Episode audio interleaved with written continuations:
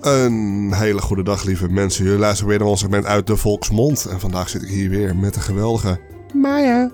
Jazeker, en bedankt voor het luisteren weer, lieve luisteraars, thuis en onderweg. Dit keer gaan we een volksverhaal uit Papua Nieuw-Guinea doen. Niet Oud-Guinea. Niet Oud-Guinea, maar wel Nieuw-Guinea uit Oceanië, dicht bij Australië. Oké, Ja, dat je zo uit je hoofd weet waar het ligt. dat is... eh, Ik heb mijn research gedaan, ik heb me ingelezen. Ja. Eh, het sprookje heet Hoe de maan en de sterren hun licht van de zon krijgen. En nou ja, eh, ik heb echt geen idee waar het sprookje over kan gaan, maar Nou, ik denk over manen en sterren en zonnen en licht. ja, en van. En vannen. Ja. Vooral vannen. Ja. Het is ongeveer een sprookje van 13 minuten. Eh, Zo. Leeftijd vanaf 10 jaar, dus trap die kindjes maar naar boven. Zo, Ja, mits ze ouders zijn dan 10. Dan mogen ze blijven zitten. Ja, Into de sprook? into de sprookje. Dit is het sprookje van hoe de sterren, de zon en de maan het licht van de zon krijgen. Ook de zon? nee, niet de zon. maar het idee is daar. Oké, nou dan gaan we ervoor. Er was hongersnood in het land. En de oude Anansi en zijn zoon Kwekutsin gingen samen op jacht in een groot bos. In de hoop dat ze iets zouden schieten. En werkelijk, Kwekutsin die schoot een mooi hert. En dat bracht hij aan zijn vader die onder een boom op hem zat te wachten. De oude Anansi was heel blij toen hij het hert zag en zei tegen zijn zoon... Blijf jij hier bij het hek, dan ga ik even een mand halen waarin wij het vlees naar huis kunnen dragen. Het duurde lang voordat Anansi terugkwam en Kwekutsin die begon langzamerhand ongerust te worden. Kon zijn vader de weg misschien niet meer terugvinden? Uiteindelijk begon hij te roepen, zo luid als hij kon.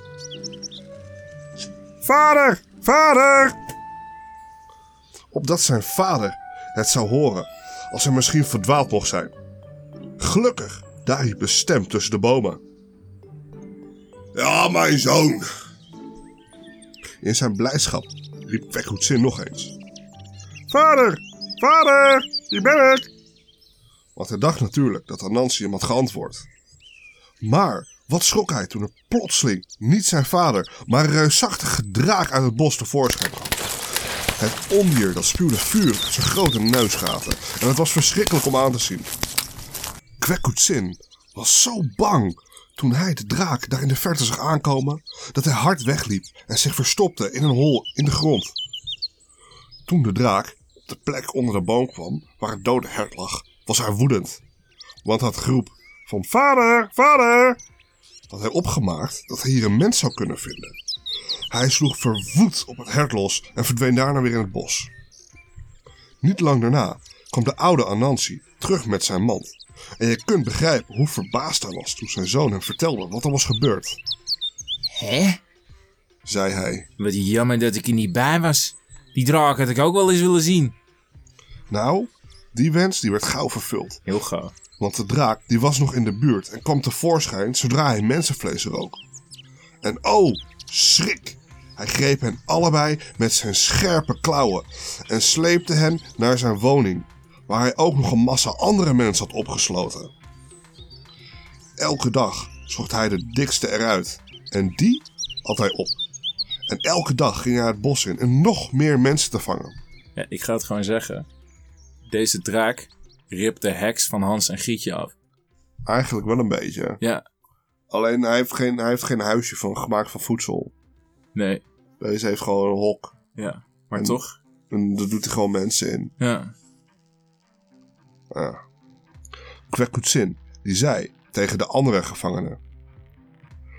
Ik begrijp niet dat jullie nooit hebben geprobeerd te vluchten als de draak het bos ingaat.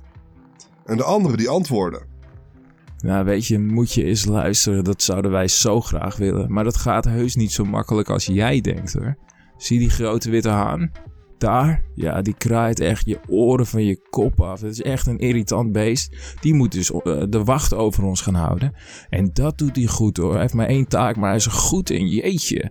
Als we maar de minste beweging maken om weg te komen. Je houdt het niet voor mogelijk. Dan begint hij zo luid te janniken, te, te kraaien eigenlijk. Dat zijn meester duidelijk kan horen waar wij zijn.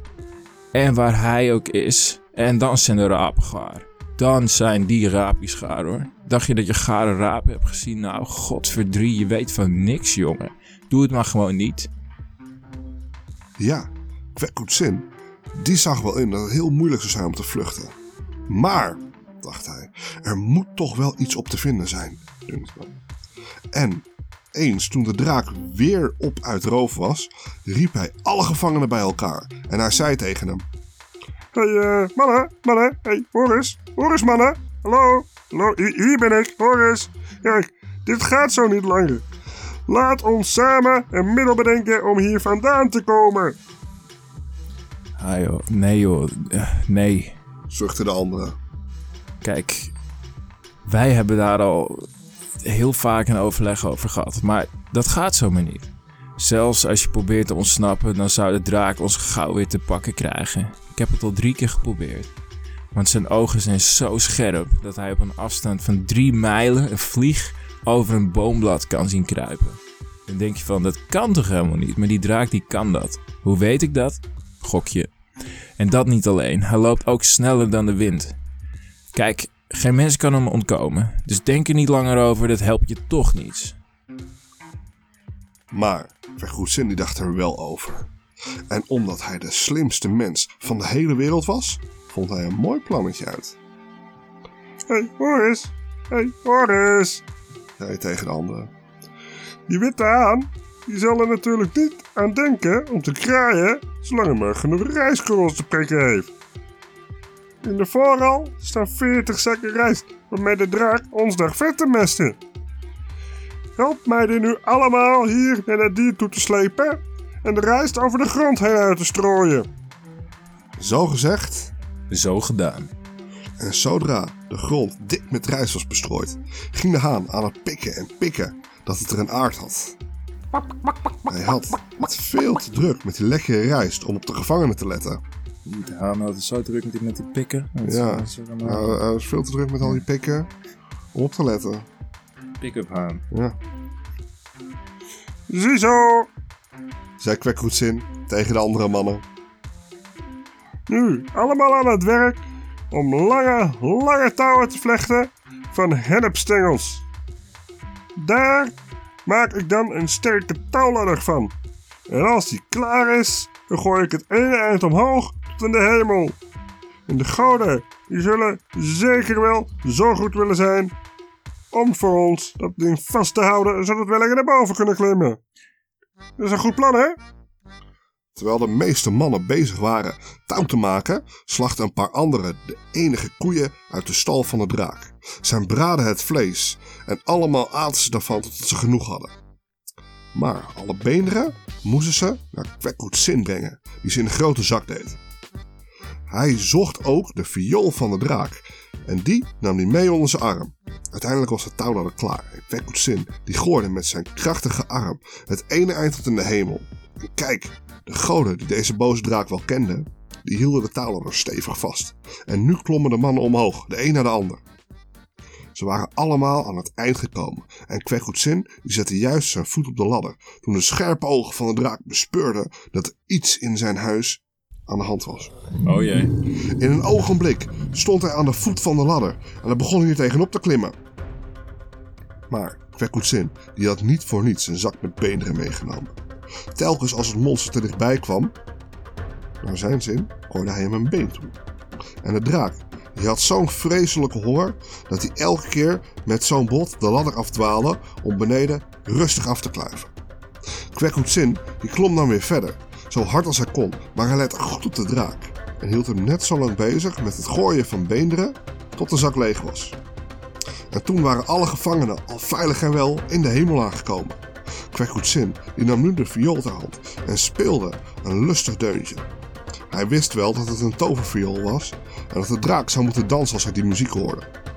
En jawel, daar klom de draak weer naar beneden en sprong als een dolle man heen en weer op de grond, net zolang tot de muziek ophield.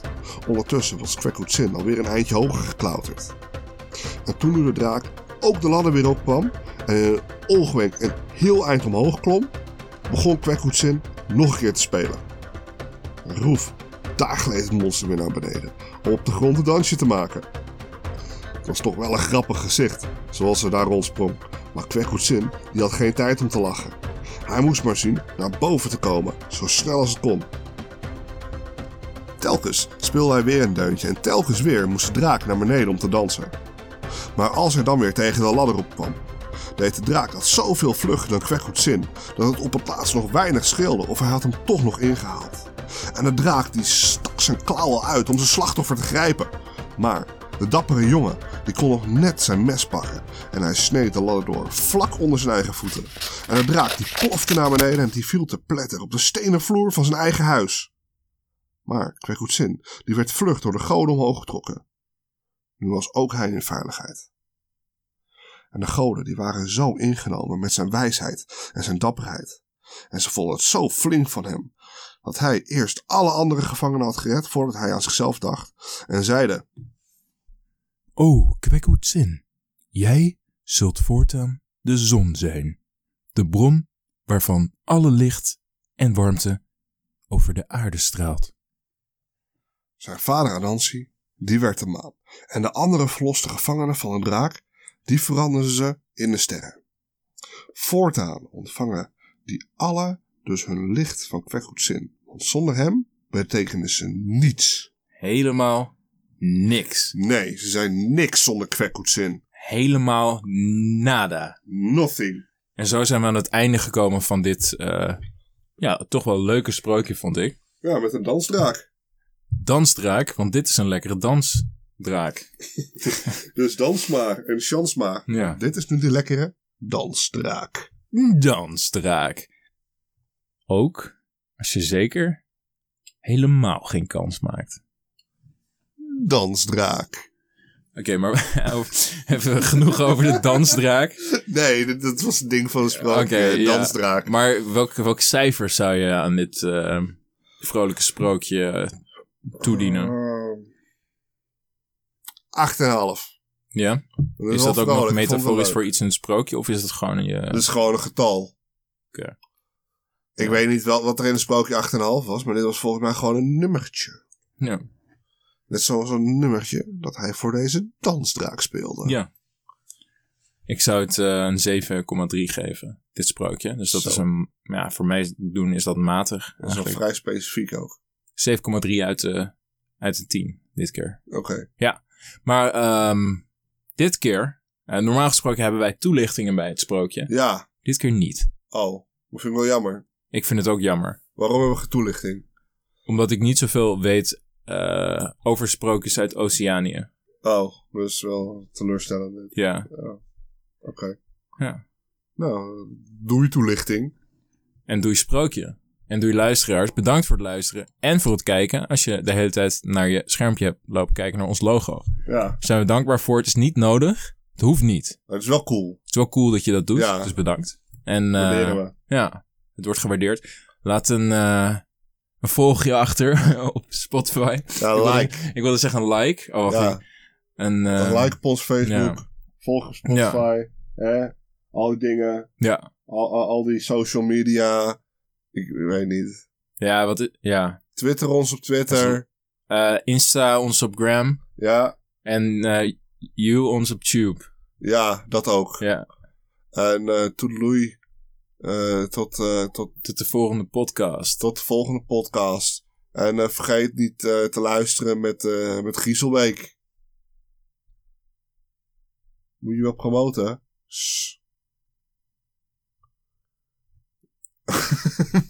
Doei!